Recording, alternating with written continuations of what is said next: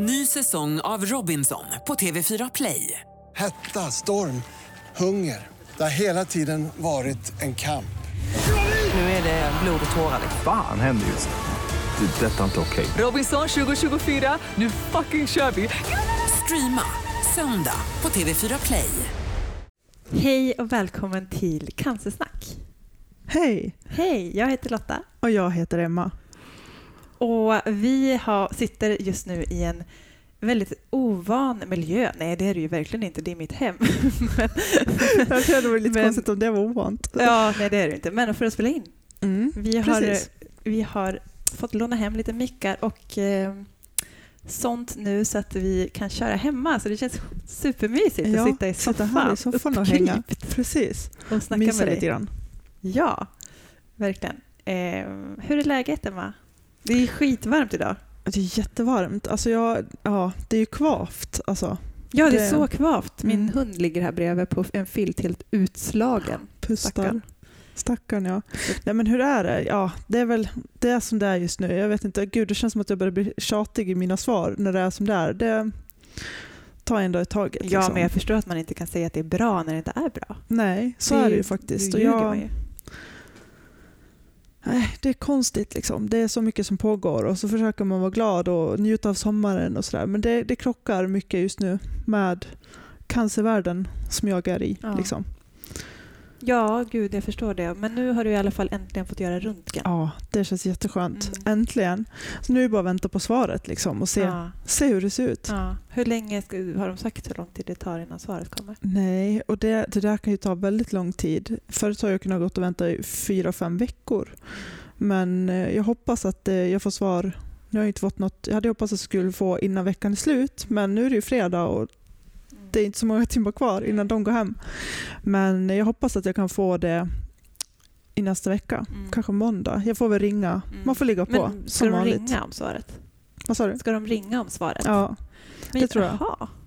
Ja, Så, så var det aldrig för mig och min man. Då, då fick vi alltid en tid inbokad och det brukar de typ boka in. När röntgen bokades in så bokades även ett läkarbesök Mm. in någon, ett par, ja, någon vecka senare så att man hade det så att man fick komma dit och träffa dem.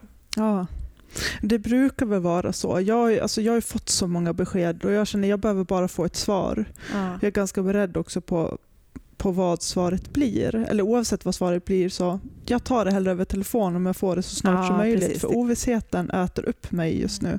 Och jag behöver få ett svar. Liksom. Det är klart. Ja, det kanske kan gå lite snabbare om man, om man kan ta beskedet så. Liksom. Ja, ja det, det gör det ju. Ja, För det, det är lite smidigare på så vis. Sen är det alltid skönt att kunna sitta ner med läkaren men mm, det får jag vid, vid nästa tillfälle, mm. tänker jag. ja. Bättre att få ett svar så snabbt som möjligt. Verkligen. Ja, det är som vi har sagt, ovissheten är ju alltid värst. Mm. Det verkligen. lärde jag mig också Mm. Den tiden Jag som jag levde med min man när han var sjuk.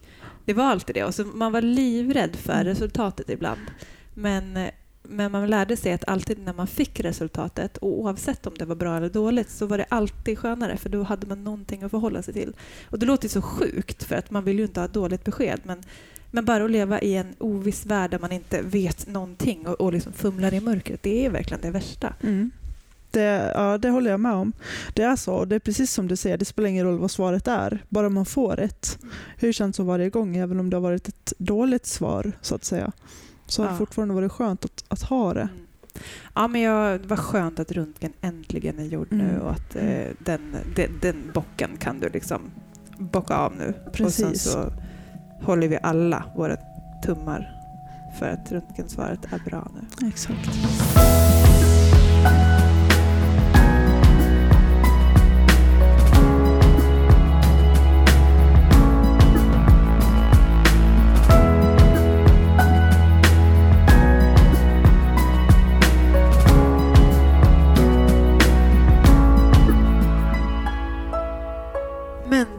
Eh, vilka, vilka starka avsnitt som vi har haft de två senaste avsnitten. Mona Esmail Sade. Ja.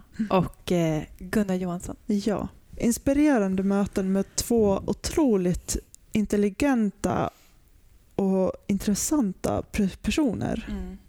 Verkligen. Hur, hur tyckte du mot, mö, mötet med Mona var? Jag tycker att det var jätteinspirerande. Mm. Och eh, jag tycker att jag känner igen mig så mycket i liksom det här med hjärnans funktioner och att, att vår hjärna har en så otrolig anpassningsförmåga till de olika situationer som vi hamnar i i Mm. livet. Ja, det var otroligt inspirerande och jag känner igen mig mycket i det här när hon sa att hon, när hon har vistats runt, mycket, hon har haft mycket död runt omkring sig. Mm. Så sa hon att hon har blivit besatt av livet. Mm. För mig var det väldigt hoppfullt att träffa Mona och få höra allt hon kan och vart utvecklingen är på väg. Och sen hade vi avsnittet med Gunnar Mm. förra veckan. Och det var ju också superintressant. Det vi kände var väl att vi hade gärna kramat ur ännu mer ur Ja. varje ämne för att allt var väldigt, väldigt intressant där också. Mm. Och eh, vi hade gärna velat bara kramat ur lite mer ur, ur, ur hans svar. Så att vi har pratat med honom redan om det och vi tänker ta hit honom en gång Mm. till. Kör en del två helt Ja. enkelt. Det här han är inne på att det är ganska svårt att förmedla kostens betydelse för olika sjukdomar och så vidare och förmedla den forskning som faktiskt finns kring Mm. ämnet. Att det, det är svårt att nå ut med den och hur man ska jobba med den biten. Det är också väldigt, väldigt intressant. Men som sagt så känns det som att det har hänt mycket på området kost bara de senaste åren Ja. som vi pratade om. Mm. Att det känns som att det går ju, det går ju mot en mer växtbaserad Mm. eller, det går mot ett mer växtbaserat tänk. Ja. Både vad det gäller för hälsans skull och även miljön. Mm.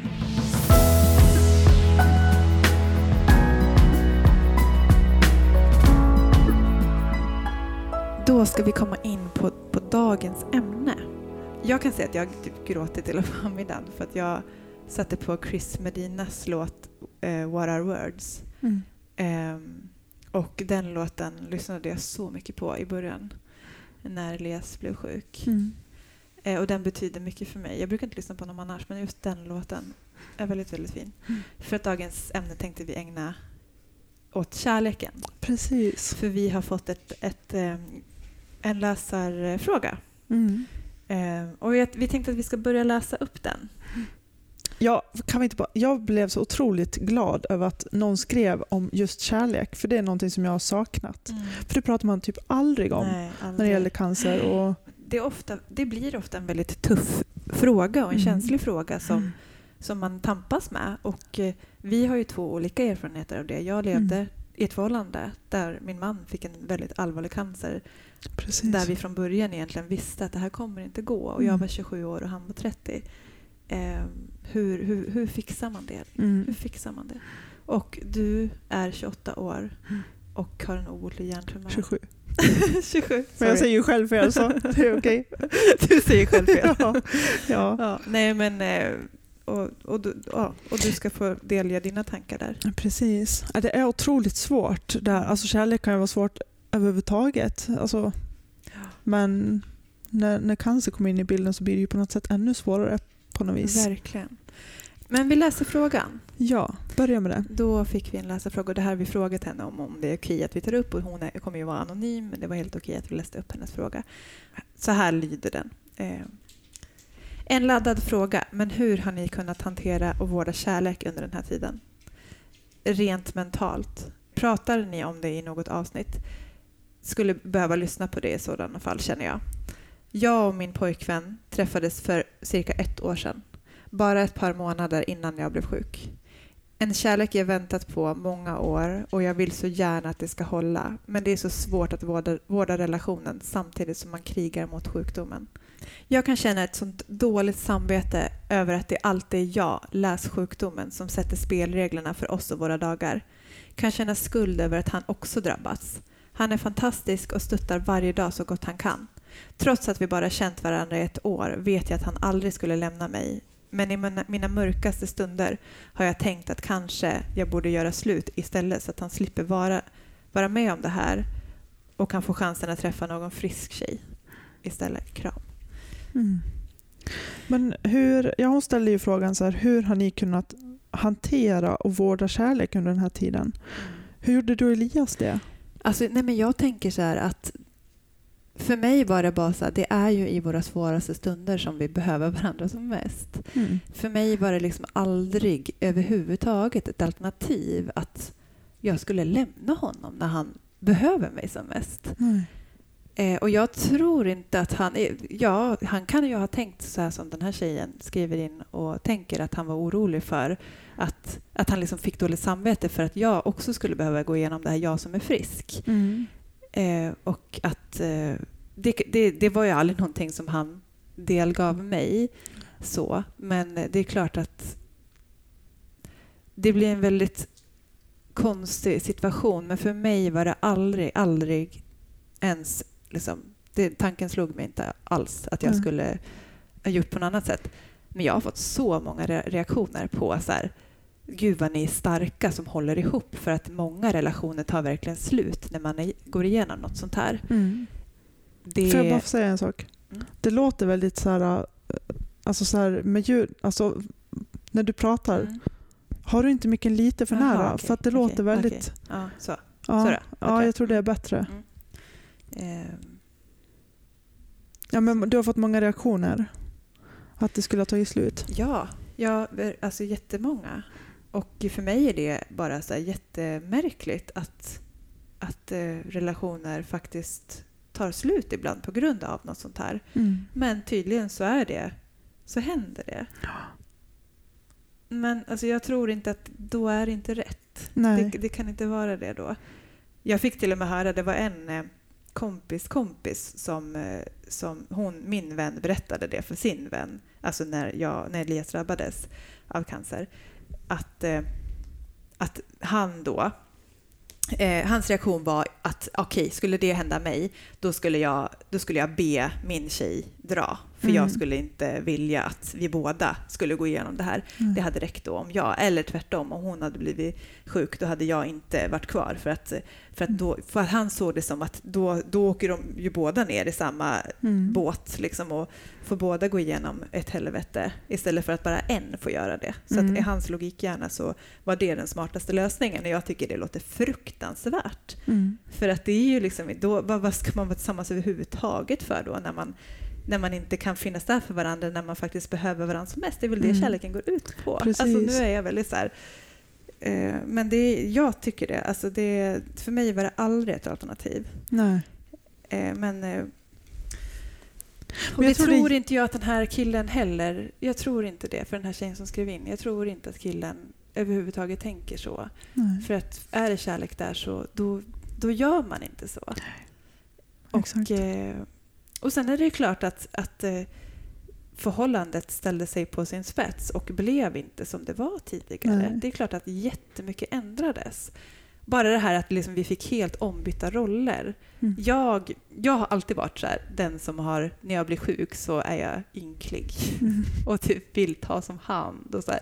och han har alltid varit så himla duktig på det och så här, stöttat mig och lagat mat och fixat och ja, men, tagit hand om mig Mm. och varit den starka.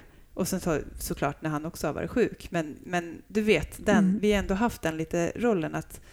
Men helt plötsligt så var det jag som skulle vara den starka i alla situationer. Jag skulle vara den starka...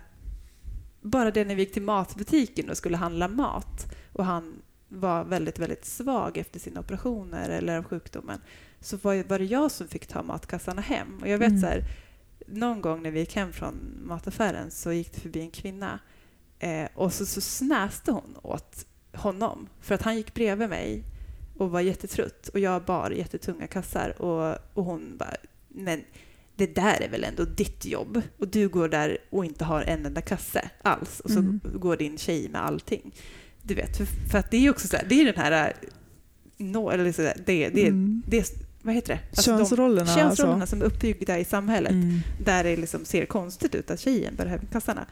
Så. Men alltså det är väl självklart, för han är, har ju alltid varit starkare än mig. Så att det är klart att, att det var, var ju så innan och det blev annorlunda. Mm. Eh, så sådana bitar också, att helt plötsligt så var det jag som skulle vara den starka i alla olika situationer och det var jag som skulle stötta. Och jag kunde nästan sakna ibland att när jag liksom hela tiden var tvungen att vara den starka på alla, i alla sjukhusvistelser, alla på, alltså, ligga på sjukvården, eh, vara liksom, laga mat, Mm. städa när han inte orkar, eh, alla de vardagssysslorna också som var jämnt fördelade tidigare som nu helt plötsligt lades på mig. Mm. Det gick jättebra i början och jag bara, nej men du vet man får någon så inre styrka och det, det gick bra hela tiden men det är klart att det, det tärde på förhållandet. Mm, mm. Det blir ju en prövning. Verkligen.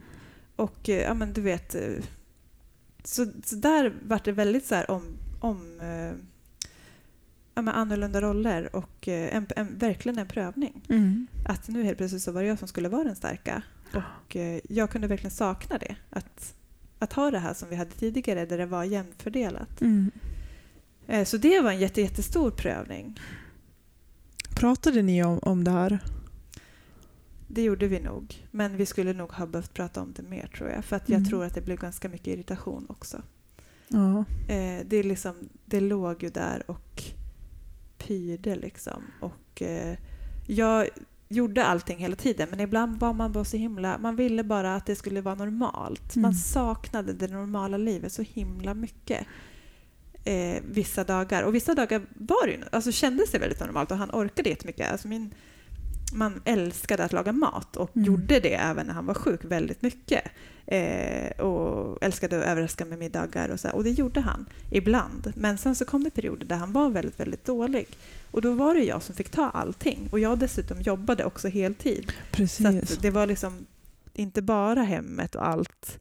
Utan det var, man blev helt slut. Mm. Plus att man skulle vara liksom på sjukhuset och sova där på någon kall liten brits i liksom veckor ibland. Ja, det är klart att, det, att förhållandet fick sig en törn. Mm. Men jag kände också att, att det, det stärkte också vårt förhållande. Mm. För det blev som att vi typ vi liksom blev sammansvetsade så himla mycket och jag vet att han aldrig skulle gjort annorlunda. Alltså mot vad jag gjorde. Han skulle Nej, gjort precis. samma sak för Ja. mig och jag är helt, helt hundra säker. Alltså jag vet det. Mm. Och det stärkte också min, alltså att jag kände den tryggheten. Jag vet att det skulle varit så om det var tvärtom. Men det sjuka är att ibland önskar jag nästan att det var tvärtom. Mm. Det var verkligen så. Jag, jag ville vara, vara den svaga. Jag orkade ibland inte vara den här starka. För att jag gick också igenom någonting som... Det kändes ju som jag sagt förut att jag också var sjuk. Mm.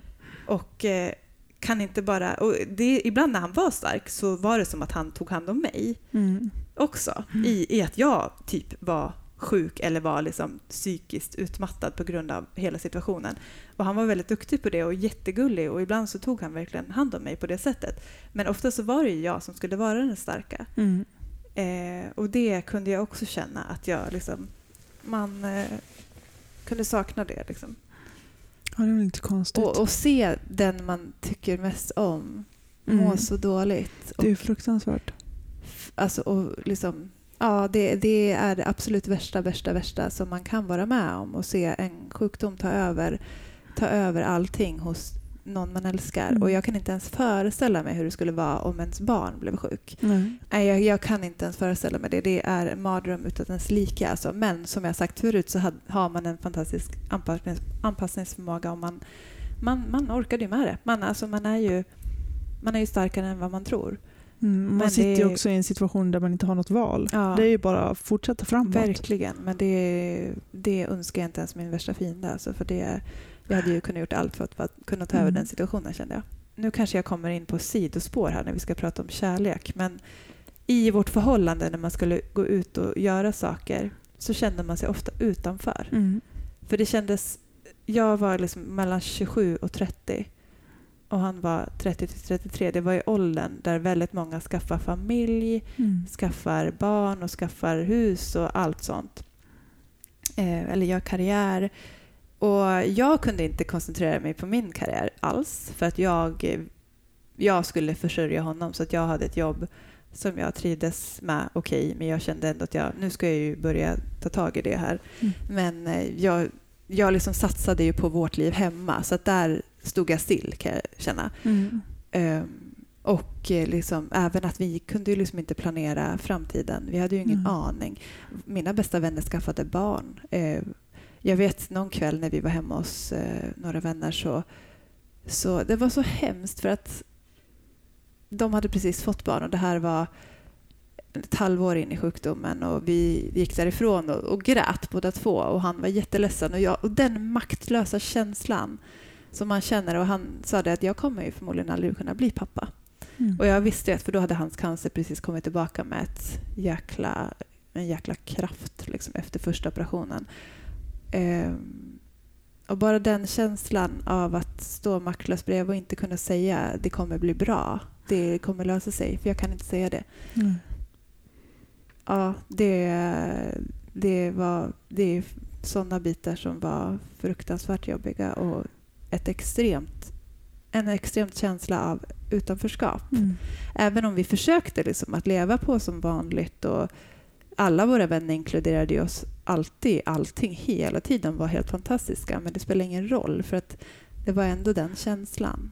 Bara just det här faktumet att inte kunna få barn till Mm. exempel, eller att kunna ta de här nästa stegen som kan vara väldigt naturliga i, Ja. i en relation. Verkligen. Det tänket hade vi ju precis innan han blev sjuk. Mm. Vi, eh, vi var inte redo att skaffa barn då men alltså bara den tanken att man ska utveckla förhållandet Mm. åt det hållet.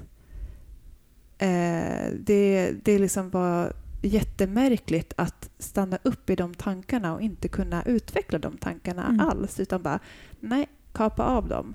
För att det är ingen idé att tänka på dem ens, för att han är väldigt, väldigt sjuk. Mm. Jag kommer att vara kvar ändå, men också som kvinna, man, man har ju en här biologisk klocka typ som ringer. Så det är en väldigt, väldigt tuff bit Mm. att handskas med och det tror jag väldigt många kan känna igen sig Ja, som drabbas av cancer. Ja, alltså just att se den personen man älskar gå igenom något sånt här och må Mm. som, som man mår, Mm. det är det går inte att sätta ord på det riktigt för det är, det är fruktansvärt. Ja. Alltså det, är, det är ju någonting, det är som du säger, det önskar man inte ens sin värsta fiende. Nej.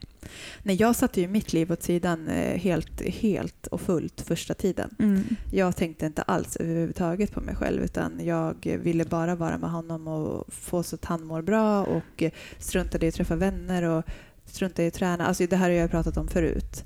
Men, eh, men det var också någonting som jag lärde mig till sist att det går inte. Och det vill jag också att alla som lyssnar på det här som lever i en relation där en av er har cancer att man måste tänka på sig själv. Det är jätteviktigt för Mm. att jag gick ju under. Jag, jag kunde inte, jag fick inte in någon energi någonstans ifrån till slut och det gick ju ut över min, min kille istället. Mm. Alltså över vår relation för att jag alltid var trött och jag hade ingen ork och ingen glädje överhuvudtaget.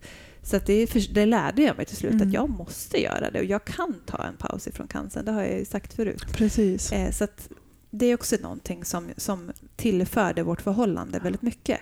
Att jag lärde mig att ta hand om mig själv och lärde mig vart jag kunde hitta min energi ifrån. Mm. Så att jag kunde ge honom det. Och han blev också väldigt duktig på det efter ett tag, att han också gjorde så. Mm. Och sen får man inte bara göra saker för sig själv. Det är inte så att... Utan det som är viktigt, och det tror jag är rent allmänt för alla förhållanden, är att man ska försöka göra saker för sig själv så att man får, vad är det jag tycker om och Mm. vad, vad mår jag bra av? Båda två, men att man också gör saker tillsammans. Så Precis. att, eh, det ska ju vara alla de tre delarna, Ja. man säger att... Ja, det tror jag också. Mm. Stenhårt på. Precis. Och jag tänker också, du, är också in på, du pratade om det lite tidigare, det här att är det kärlek så är det kärlek. Och jag tänker ju likadant, då spelar det ingen roll om det är cancer som blandas in, kommer in i bilden eller... För jag menar, älskar man varandra så, så spelar det ingen roll. Då går man igenom de här prövningarna och det tar ju inte bort att det är tufft och jävligt och allt vad man nu kan komma på, alla ord man kan komma på. Det spelar ju ingen roll, alltså så är det ju.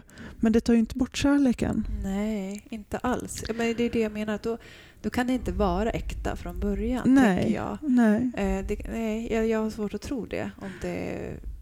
För det är väl det som ändå kärlek går ut på, att man Ja. ska finnas där för varandra i alla stunder. Exakt. Och sen så är det extrema prövningar man går, går Mm. igenom. Och jag kan inte säga att de här tre åren med min man var top notch vad det gäller kärleksmässigt och, och liksom relationsmässigt. Alltså vi blev sammansvetsade, vi blev som en. Det sa vi väldigt ofta, att vi, vi var som världens bästa team. Mm. Vi kunde liksom slå oss fram överallt och vi hade sån jäkla kraft tillsammans.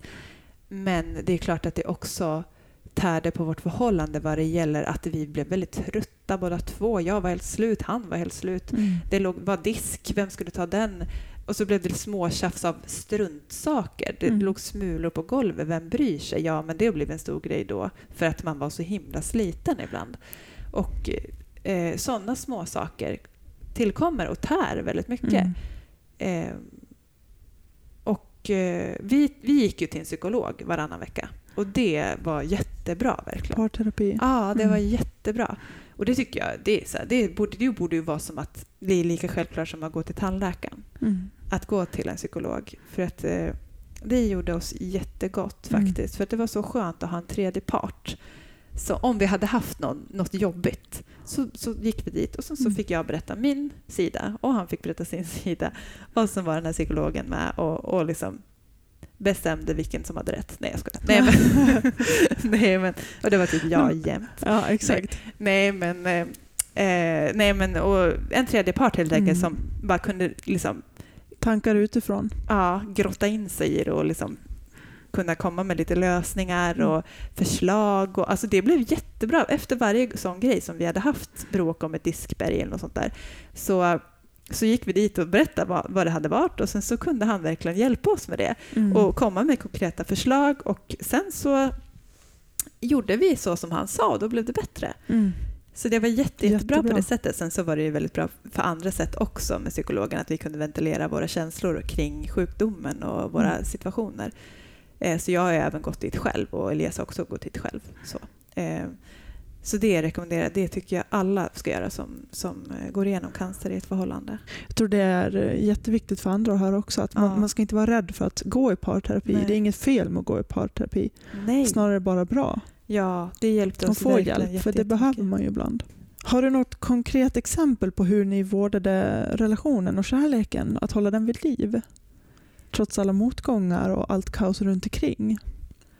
Eh, alltså vi gjorde ju så himla mycket under de här tre åren. Det var väldigt, väldigt tuffa år men vi var ju på, vi var iväg på väldigt många resor och vi var ju iväg på resor även fast han ibland mådde dåligt så valde han. Han var ju, han var ju fantastisk på det sättet att han hade sånt jäkla psyke. Mm. Och när jag har pratat om det här med vänner och, och liksom berättar om, eller så här, när vi pratar om Elias förhållningssätt till livet, att han kunde åka iväg till Spanien en vecka fast att han hade typ 38 graders feber och de flesta ligger hemma och inte orkar ens gå upp ur sängen. Jag skulle göra det, jag skulle aldrig orka ens gå upp ur sängen om jag hade feber och kände mig sliten. Men han gjorde det Mm. och han eh, gav sig in i projekt trots att han mådde dåligt och allt sånt. Och eh, försökte, ville börja jobba. Alltså han var sån jäkla fighter. Mm. Och när, jag, när vi pratar om det, när jag pratar om det med, med vänner och så, så, så säger många att ja, men det, är, det är nog ett ganska ovanligt sätt. Alltså att ett förhållningssätt. Jag tror inte att det är det, att- att många tror inte att det är det som är det vanliga kanske när man går igenom någonting svårt. Så att han hade ju, vi hade det väldigt bra så att vi gjorde så mycket och han, fast att han mådde dåligt, för att det var en sjukdom som tärde väldigt mycket på honom, som han mådde väldigt fysiskt dåligt av mycket, så gjorde vi väldigt, väldigt mycket hela tiden. Vi var på många, många resor. Är det sånt som hjälpte er att hålla kärleken, alltså boosta kärleken Ja. eller vad man ska säga? Jag tror det, för att då fick vi tid för oss själva och eh, vi, fick, vi försökte glömma bort cancern då ett tag där när Mm. vi var borta. Eh, så att, så det, det gjorde jättemycket för Mm. vårt förhållande och för kärleken. Och eh, eh, sen har han alltid varit extremt duktig på att överraska. Mm. Mycket bättre än vad jag var, tyvärr. Men det brukar vi alltid skoja om. Men, eh, och det, det var ju också någonting som, som höll oss över vattenytan. Mm. Och sen så gifte vi oss mitt i allt. Precis. Och det, Det var ju också en jäkla boost för, ja. för oss och vårt förhållande. Såklart. Ja.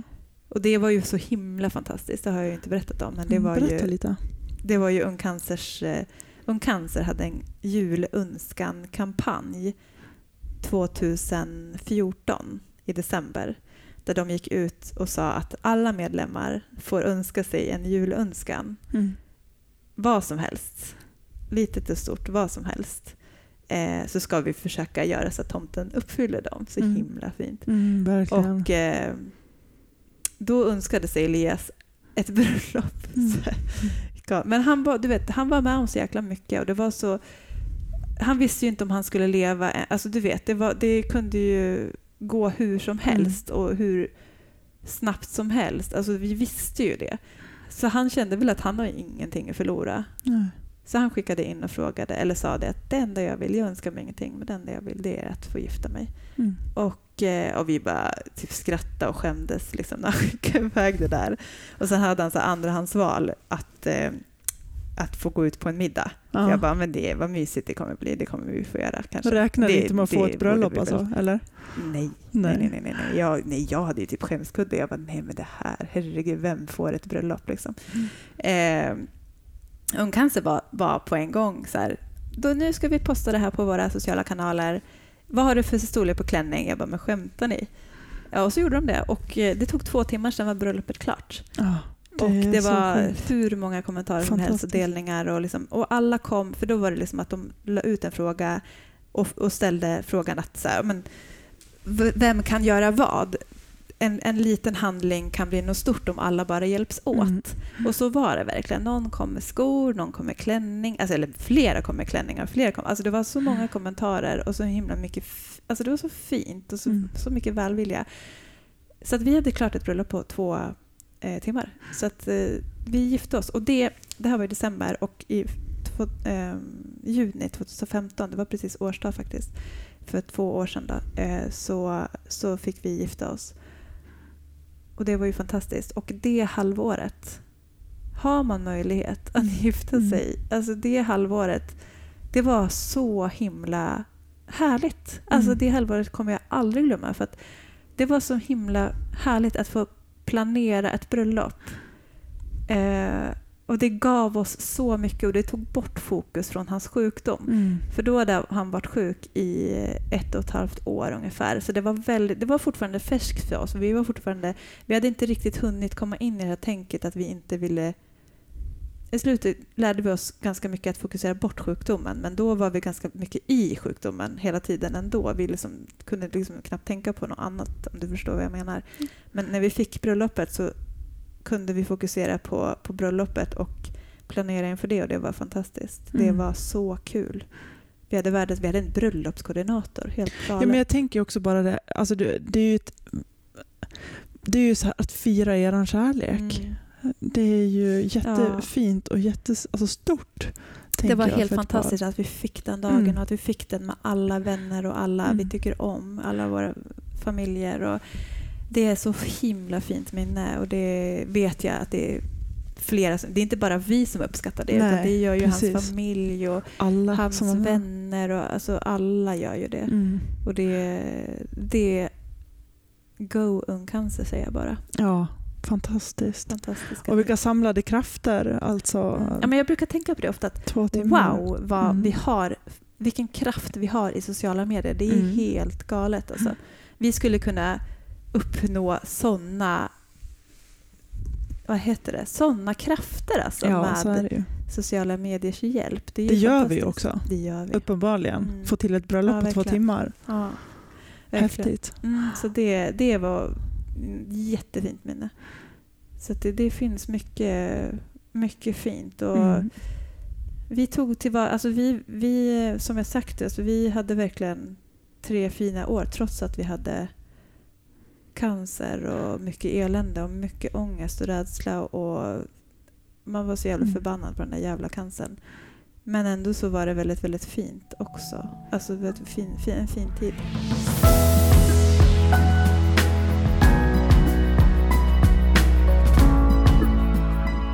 Men Emma, jag är nyfiken på dina tankar kring det här ämnet kärlek.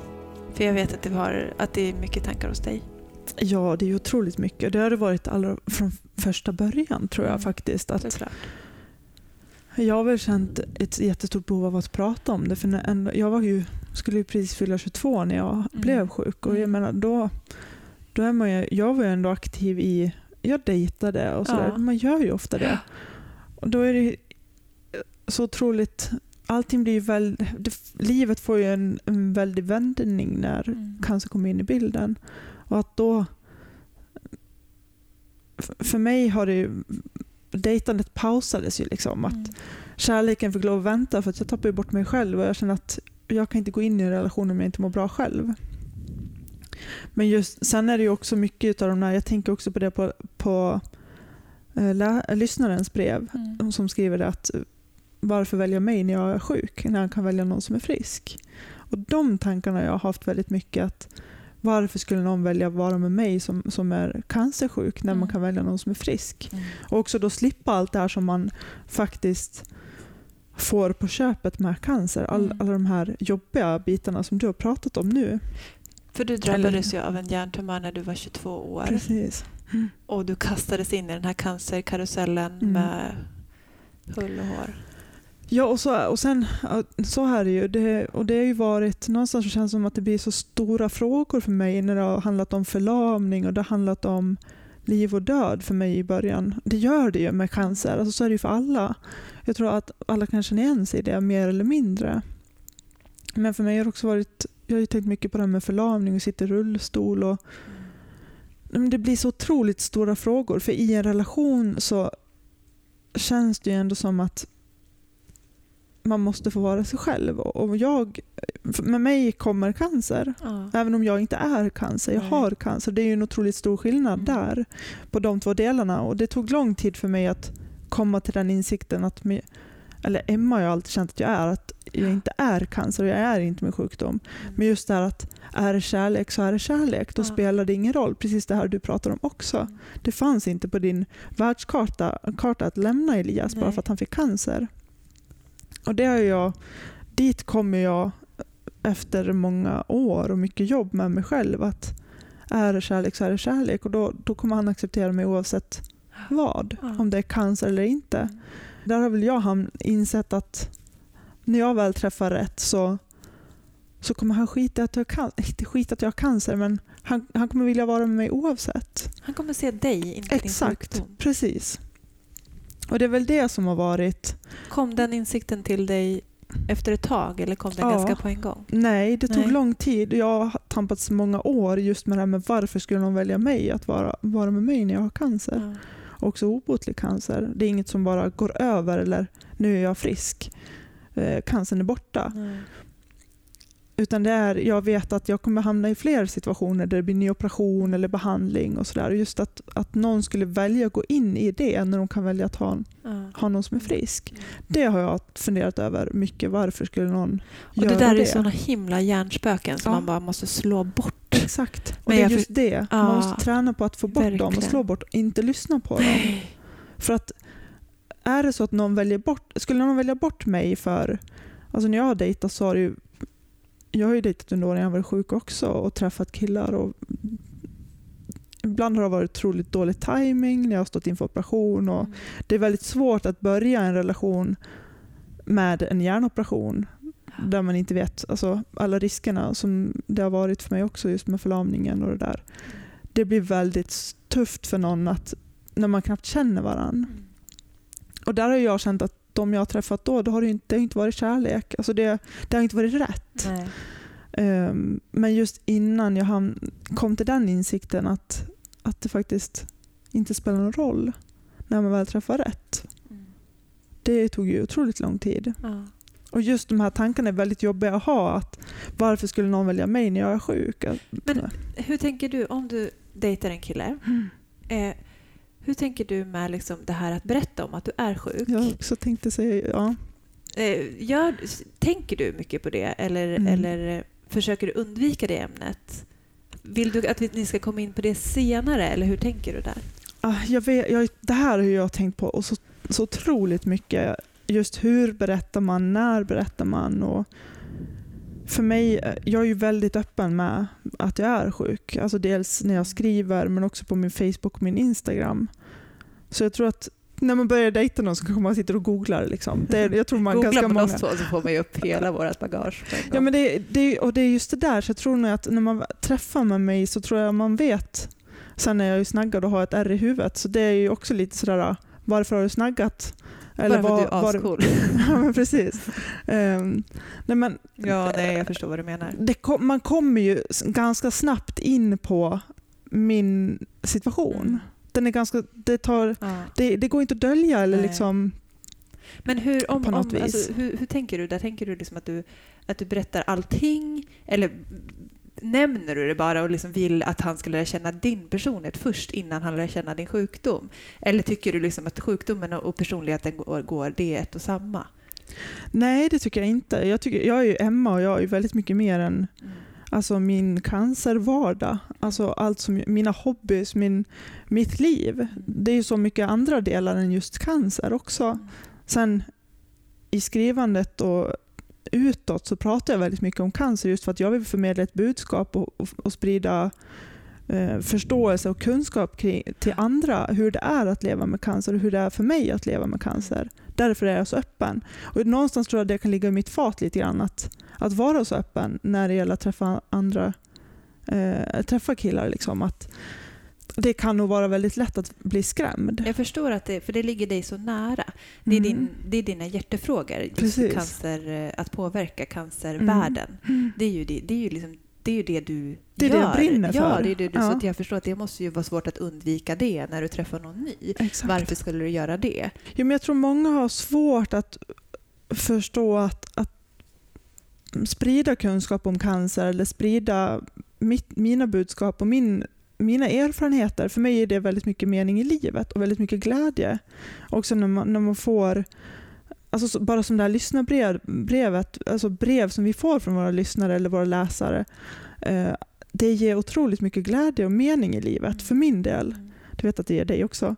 Men, och det tycker jag är så otroligt mycket värt. Men det tror jag är väldigt svårt att förstå någonstans. Att även fast man pratar om cancer så kan det ge väldigt mycket glädje och mening i livet. Och det är väl någonstans, när jag träffar rätt så han, han måste ju förstå det. Mm. Att det ger mig mening och glädje och också en u- personlig utveckling. Som har, alltså jag har blivit en väldigt mycket bättre person på grund av det jag gått igenom. Och när det gäller kärlek så då tror jag inte att det spelar någon roll Nej. om man har cancer eller inte. För att Nej. när det är rätt då...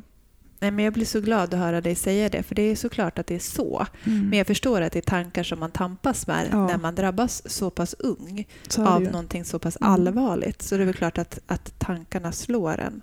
Precis. det, det är så himla sunt av dig att du har kommit till den insikten att det faktiskt är så här. Och jag tror att det är väldigt bra för många att höra det här också, Mm. för det är säkert många som känner igen sig mycket i det du berättar om.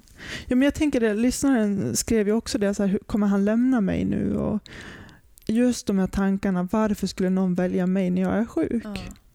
Men är det rätt så spelar det ingen roll. Nej, Då bryr man sig alls. inte för att Nej. man är, ens partner ser ju inte cancer. Jag menar, du såg ju inte cancer när du tittade på Elias. Du såg ju Nej. Elias. Det är klart. Jag tror att det är så det är. Att lämna någon en för, för att man blir sjuk, då är det ju inte rätt. Nej. Och Det är bara det man måste komma ihåg. Och Då får man ge det tid och invänta rätt, Mm. när, när rätt person kommer. Men hur lång tid tog det för dig att komma till den här sunda insikten? Ins- Ja, jag vet. Ja, nu ska vi se, nu är det 2017. Jag vet att jag var med i en intervju för 2000, måste- det måste ha varit 2014. Var det med tror jag. Ja, precis. Första intervjun när jag fick fråga om ja, men Emma, du är singel, hur tänker du kring kärlek? Var det då tankarna kom upp? Nej, de har ju funnits hela tiden. Men för första gången så var det någon, någon utifrån som Ja. också tänkte på det. För mig är det, jag har varit väldigt överraskad eh, av att jag fick den frågan, men det var också väldigt positivt. Mm. För för mig var det bara så otroligt skönt att få höra att andra kan förstå att även kärlek är en jättestor del i mitt liv. Och att tankarna finns där. Och jag tror, alltså just när det gäller kärlek så är alla tror jag väldigt sårbara. Ja. Man blir väldigt sårbar, speciellt om man öppnar sitt hjärta eller känner vad man Mm. säger vad man Ja, men känner det är ju för inte någon. så att det är annorlunda för dig bara för Nej. att du har fått cancer. Som att Nej. vissa bitar i ditt liv, då, eller den som får cancer, så klipps vissa bitar bort och inte är lika viktiga som för Precis. en annan person. Exakt. Så är Det är ju inte. precis som för Allting någon hänger annan. kvar. Mm. Såklart. Ja, det jag har känt det är väl just att eh, med kärlek så blir man sårbar och med cancer blir man också sårbar. Och för mig är så, blir sårbarheten dubbel. Känner du att du inte orkar med den dubbla sårbarheten? Den är ju jättesvår att... Eh, jag har väl blivit väldigt feg tror jag. Jag har väldigt lätt till, att säga till andra att men gud är du intresserad Ja. av någon eller eh, känner du något för någon? Säg det då. Men sen när det kommer till just kärlek så tycker jag det är jätteläskigt. Alltså Ja. jag, ehm, och där har jag förändrats väldigt mycket från hur jag var förut. Eller det är dubbelt det också, för ibland kan jag ha väldigt lätt för att bara säga Om jag känner något för någon, då säger jag det. Och sen får det bära eller brista. Mm. Är det rätt så är det rätt. Mm. Och är det inte det så, nej, men Nej. då får man fortsätta tills man hittar rätt. Ja. Men just att vara så där sårbar, det är ju väldigt skrämmande. Också att bli, att bli ratad. Bli, varför blir jag ratad? Blir jag ratad på, på grund av något i min personlighet eller att det inte är rätt? Mm. Eller blir jag ratad på grund av att jag har cancer? Mm. Och att han, han bara ser mig Mm. som sjuk. Inte ser all, all den person jag är. Liksom. Kan du få den känslan att, att det är på grund av cancern? Ja men det har jag väl fått någon gång eh, att när jag har sagt vad jag har känt och sådär och det inte har gått vägen så att Mm. säga. Då har det inte varit rätt har jag insett så här i Nej. efterhand men där och då har man ju såklart funderat. Var, är det för att jag är sjuk? Är det för att min situation ser ut som den gör? Och de tankarna tror jag är väldigt svårt att komma ifrån. De måste man bara lära sig hantera. Och så får man försöka stärkas av det att då är det en jävla asshole som inte Ja, men det är inte kan rätt. ta det. Nej, det är inte Ex- rätt. Men om, rätt. om han ratar dig på grund av din sjukdom, Mm, då får man ju precis. försöka tänka att då är det ju absolut inte rätt Nej. överhuvudtaget. För då kommer det bli Exakt. problem. Ja. Om han ska leva med någon som han fokuserar på att hon har cancer. Mm, ja, men precis. Helt fel. Ja, jag tror inte att någon sån relation är sund att gå in i, att man Nej. fokuserar just på cancern. Utan den, den ska få finnas och den, ska, den måste få ta plats, men den får inte ha huvudfokus. Nej, nej, nej. Ehm, och det, det tror jag är otroligt viktigt att komma ihåg. Ja, men det och tror jag också. Det är en poäng där. Ja, ja, men jag tror det. För att det är som att en sjukdom ska ju inte ta över en- ens personlighet. Nej. Och den ska, den ska inte få synas så mycket. Men det är väl klart att den också måste få ta plats. Mm. För att eh, man vill också bli sedd i Precis. sin situation som man är i. Ja. Eh, I alla fall när man har det väldigt tufft Mm. I sin sjukdom. Mm. Så att jag, jag, för det där var viktigt för oss också, så Ja. jag känner igen mig i det där. Det, är- Mm. det är som du säger och för dig att liksom att den ska inte få ta fokus men den kommer ju alltid finnas med. Mm, så är det ju. Och där har väl jag också insett, eller lärt mig på vägen vad jag behöver och vilken typ av person jag behöver och partner jag behöver. Och där behöver jag någon som ser mig. Alltså, måste han, först och främst måste han se mig som Emma och den person jag är. Ja. Och Sen måste han ha en förståelse över hur det är att leva med cancer och att jag har en sjukdomsbild som ibland är ganska jobbig och svår och komplicerad. Med mina fysiska begränsningar också som perioder kommer upp lite mer än vad de gör i andra. Men jag tycker det är rätt skönt att ha landat i den insikten att är det rätt så är det rätt och då spelar min cancer ingen roll för att då ser han mig som Emma. Men det är väl bara det att och jag har ju känt att för mig har det inte funnits på världskartan att gå in i en relation när jag inte mått bra själv. Nej. Så där var det ju först och främst att, börja jobba på den viktigaste relationen som jag känner och den är ju med mig själv. Eh, Att hitta mig själv igen och må bra i mig själv och att först och främst kunna vara själv utan att må dåligt. Mm. Och för, sen Alltså när jag hade- landat i det och kunde känna att jag trivdes med mig själv och trivdes med den, jag var, då kunde det bli lite mer fokus på att träffa någon. Innan dess så fanns det ju inte, då, då hade jag så fullt upp med mig själv. Då I början av min sjuk- Nej, exakt. Det, det fanns liksom inte, för då var det bara att överleva och ta sig igenom behandling, Mm. operation och allt vad- min sjukdom innebar. Mm. Så då fick ju kärleken automatiskt vänta. Och det har den fått gjort periodvis eh, under åren. Men för att det är timing också. Och ibland måste man bara fokusera, speciellt när man är sjuk, att då måste man bara fokusera på sig själv och ta sig igenom det man står inför. Om det är stora svårigheter, som behandling till exempel, eller operation. Och då kanske det inte är läge att gå in i en relation. För jag tror det är väldigt svårt att gå in i en relation när det, när det stormar som allra mest. Ja, Men jag tror det är timing. det. Och för mig har jag, jag har inte träffat rätt än, så jag, jag väntar tills rätt kommer och det spelar ingen roll hur lång tid det tar. Och just också det här tänker jag, när, hur berättar man? När ska man berätta? Hur ska man, hur ska man säga? Alltså så här, berättar jag, jag kan ju se på folks reaktioner när jag berättar att jag är sjuk. Folk blir som stora frågetecken och de här rädslorna kring cancer kommer automatiskt. Och det är inte så konstigt att de gör det. Men hur gör man det på ett sätt som är ganska, alltså, det ska vara realistiskt, så här ser min situation ut. Men det ska ändå, man ska ändå inte måla fan på väggen utan man ska ändå vara um, man behöver inte göra det så dramatiskt. Det är cancer men alltså vad Ja. fan. Det finns mycket, det är inte bara cancer i mitt liv. Såklart. Hur gör man det? Det är en svår balansgång. Mm. Där har jag så provat mig fram lite. Men, och vissa gånger har det gått bra, andra gånger har det inte gått bra. Men det är otroligt svårt.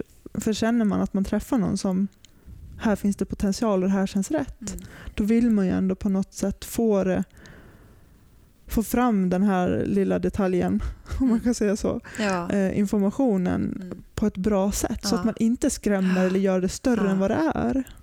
Sen är det, det är stort nog i grunden. Mm. Men hur gör man det? Vad säger man och när? Är det det första man ska säga? Eller? Hur har det gått till när du har träffat någon? Väldigt olika. Som sagt, jag har provat lite olika och när jag har känt att det inte har varit rätt, då har jag väl bara testat. Så jag får se hur den här reaktionen blir. Då. De har provat, stackars försökskaniner jag har haft. Men, Och då har du sagt då? nej men alltså jag dejtade ju en, en kille, jag träffade en kille förut och då stod jag inför operation. Så det var ju världens... Jag var ju som ett vrak själv. Liksom, och Ja, vi hade ju träffats innan, sen blev det bestämt att jag skulle opereras under tiden vi dejtade. Och då var det så här, det här måste jag säga. Jag kan inte bara, du förresten, jag ska in på Uppsala Akademiska nästa vecka för jag ska opereras. "Jaha, varför då? liksom? Exakt. Ehm, så det fick ju jag, jag hamnade i en situation där jag fick lov att säga det. Och jag kände ju ändå någonting för honom att det kunde finnas potential där. Och det gjorde det ju väldigt jobbigt för mig att, att säga det. Mm. Och, Vad ja, sa du vad sa jag då? Jag har varit känslomässigt, ja men som sagt jag har varit typ som ett vrak så tårarna kom ju. Det är ju sådär, det är väldigt mycket känslomässigt och så blir man sådär sårbar och liten. Bara, nej gud, lämna mig inte. Just den rädslan att ska jag bli lämnad ensam nu på grund av det här eller så jag sa väl att, eh, jag hade ju berättat för honom att jag har gått igenom eh, operation och behandling på grund av att eh, hjärntumören. Sen har väl jag inte varit så tydlig med att det är obotligt. Jag har inte tryckt så mycket på det, men jag har berättat Nej. vad jag har gått igenom. Mm. Så jag försökte lägga fram det, att nu står jag inför, jag gjort, jag har gjort röntgen och nu har den visat att det växer och sådär. Så att jag behöver göra en, en till operation. Och han var knäpptyst, han visste inte vad han skulle säga. Och han var en sån här person som hade väldigt svårt att prata om känslor Okej. eh, och vart väldigt tyst. Kommunikationen funkar väl inte Ja, jättebra nej. i relationen. Nej. Så där kände väl jag ganska snabbt att nej, men det här är inte rätt. Sen är det klart att det var jobbigt. Mm. Men, eh, och det är ju, jag måste ju ha en relation där kommunikationen funkar. Mm. Att man kan våga prata om sådana här saker. Men hördes ni någonting efter operationen? Jättekonstigt men nej det gjorde vi inte. Nej. Jag åkte där, för jag var där över, hos honom över en helg och när jag åkte därifrån så var jag ett vrak. Alltså jag grät ju och sådär och försökte Ja. samla mig i Mm. bilen när han skjutsade mig till tåget. Mm. Sen var det bara, hej då, vi hörs. Och sen hördes ni mer? Vi mässade lite sådär när jag satt på tåget och jag skrev alltså gud förlåt, det här vart ju, Ja. jag trodde inte jag skulle re- reagera så här. Nej. Så det sa jag bara till honom att känslorna tog över för mig och jag var inte beredd på det. Eh, och han sa nej men det är ju förståeligt och det är ju en jättesvår situation. Han, han visste inte heller vad han skulle säga. Och, Han kunde ju ändå inte riktigt bemöta det. nej, och han, han förlorade också sin pappa i cancer så det, och det har inte han, be- hade inte han bearbetat. Nej. Och, så det var väl, fanns väl andra orsaker till att han reagerade på det sättet han gjorde också. Det drog säkert upp jättemycket Mm. med hans historia och erfarenheter. Men det var väl inte rätt. Men så vi mässade väl lite och sådär en tid efteråt. Men sen sa väl jag att, för det drog ju, alltså det var det här spelet kändes det som. Och jag, och jag är inte för spelet överhuvudtaget. Det är sådär, nej, jag är, är jag tror mer på att eh, vara den man är och inte hålla på och spela några jäkla spel. Nej, utan, suck för det jäkla Ja, spelet. jag kände det. Så att där kände jag väl att innan svaren kom så tog det bara längre och längre tid. Ja. Och då kände jag att nej men du vet, jag tror att vi ska faktiskt du är, jag har en jättefin kille på alla sätt och vis, men han var inte rätt för mig. Nej. Och då sa jag bara att nej, jag tror inte att jag tror vi lägger ner faktiskt. Helt enkelt. Bra Eh, val. Jag behövde fokusera på mig själv också. Ja, ja men såklart. Så så blev det. Sunt.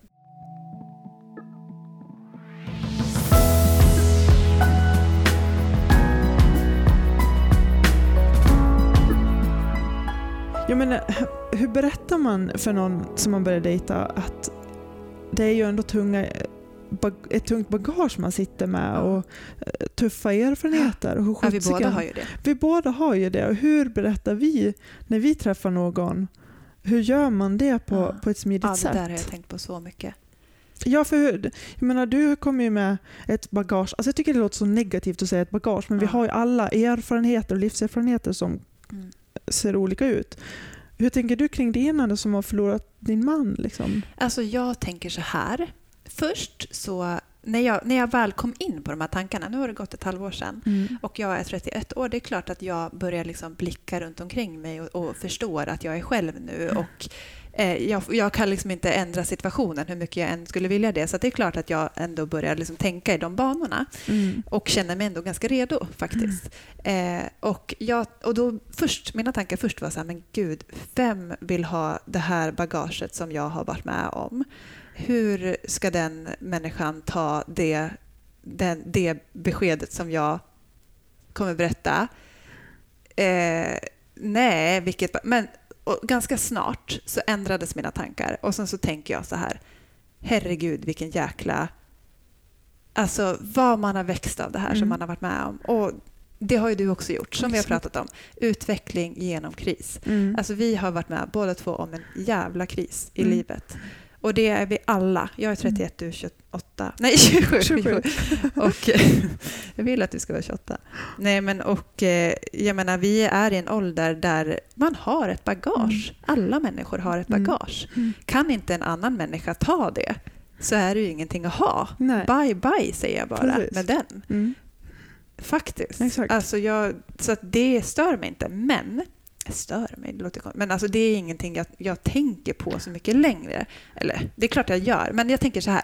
Jag vill att den människan ska lära känna mig. Ja. Det känns viktigt för mig. Jag vill Precis. inte sitta och berätta om hela storyn liksom från början till slut i detalj. Det känner inte jag för. Nej. Utan jag har ett bagage och jag kan berätta det, men jag kommer släppa det ganska snart tror jag. Mm. Och jag hoppas inte att jag får så jättemycket följdfrågor faktiskt just nu. Utan, utan jag känner att jag vill, jag är fortfarande jag. Jag är Mm. en person. Jag är Exakt. inte mitt, eh, mitt förflutna. Nej. Och eh, den människan som jag träffar kommer och vill jag ska kunna förstå det. Och gör den inte det så är det ingenting att ha. Precis. Tänker exakt likadant. Ja. Och det är sunt, för det är, det är precis så det är, tänker jag. I min värld, är, det där är sanningen. Liksom. Det du precis sa. Mm. Och jag tänker att alla har, alltså är det inte cancer man har som, som bagage så är det kanske drogmissbruk eller så är att man har varit, gått igenom en skilsmässa eller så är det dödsfall. Alla har vi på, något. ja, alla har vi någonting. Mm. Eller så är det någon annan sjukdom eller vad det nu än kan vara, ekonomisk kris. Eller, Ja. Vi går alla igenom kriser och vi har Verkligen. alla våra svåra erfarenheter i livet. Och de spelar ingen roll när, kom, när, när kärleken väl står där och det är Nej. rätt kärlek. Vilka jävla kap vi är, Emma. Ja, men jag tänker det.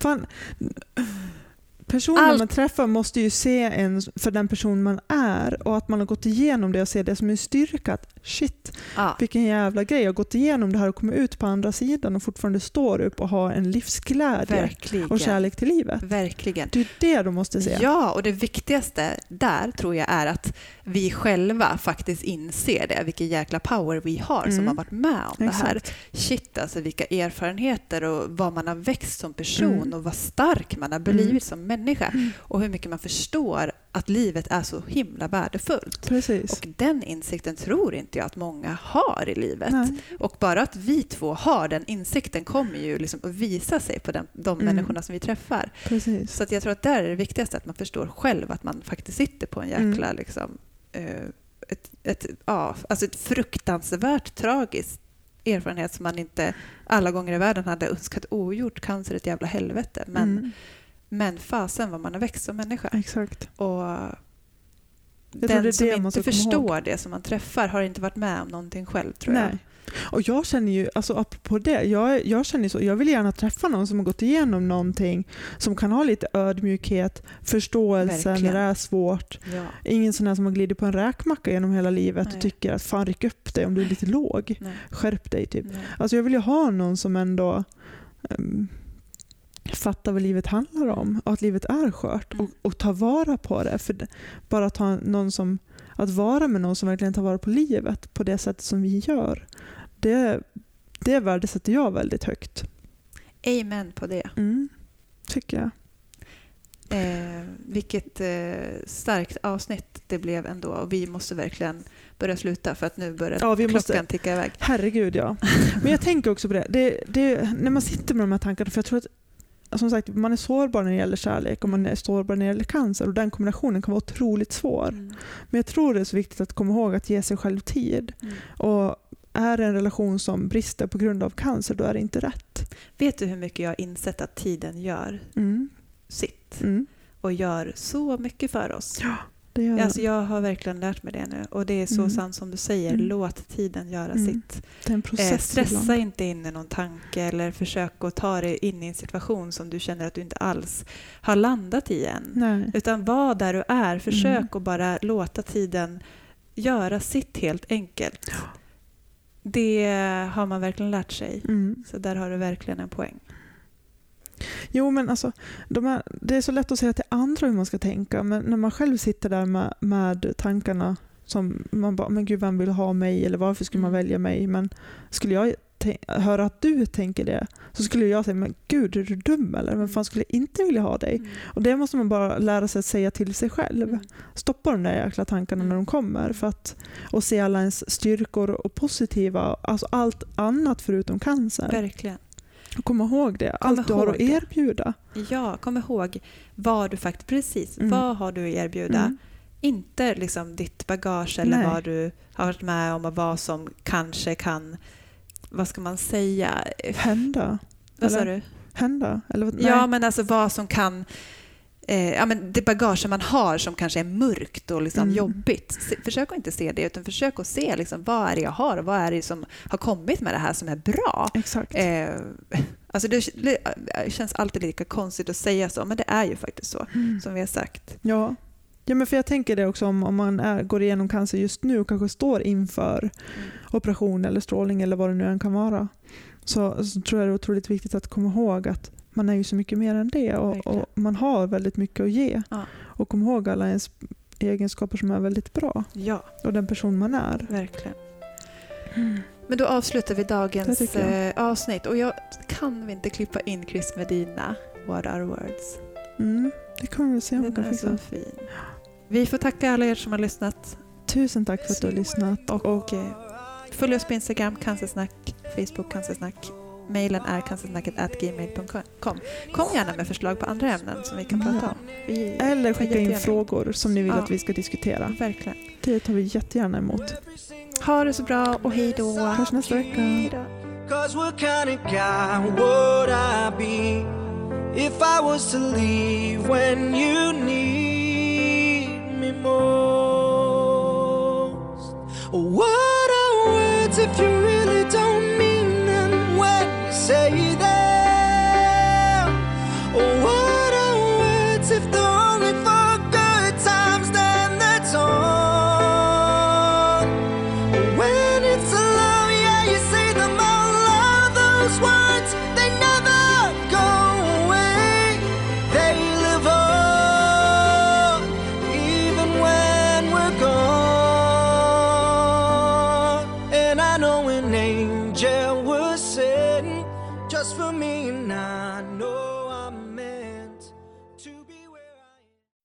säsong av Robinson på TV4 Play.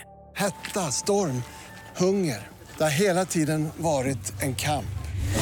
Nu är det blod och tårar. Fan händer just nu. Det. är Detta är inte okej. Robinson 2024, nu fucking kör vi! Streama söndag på TV4 Play.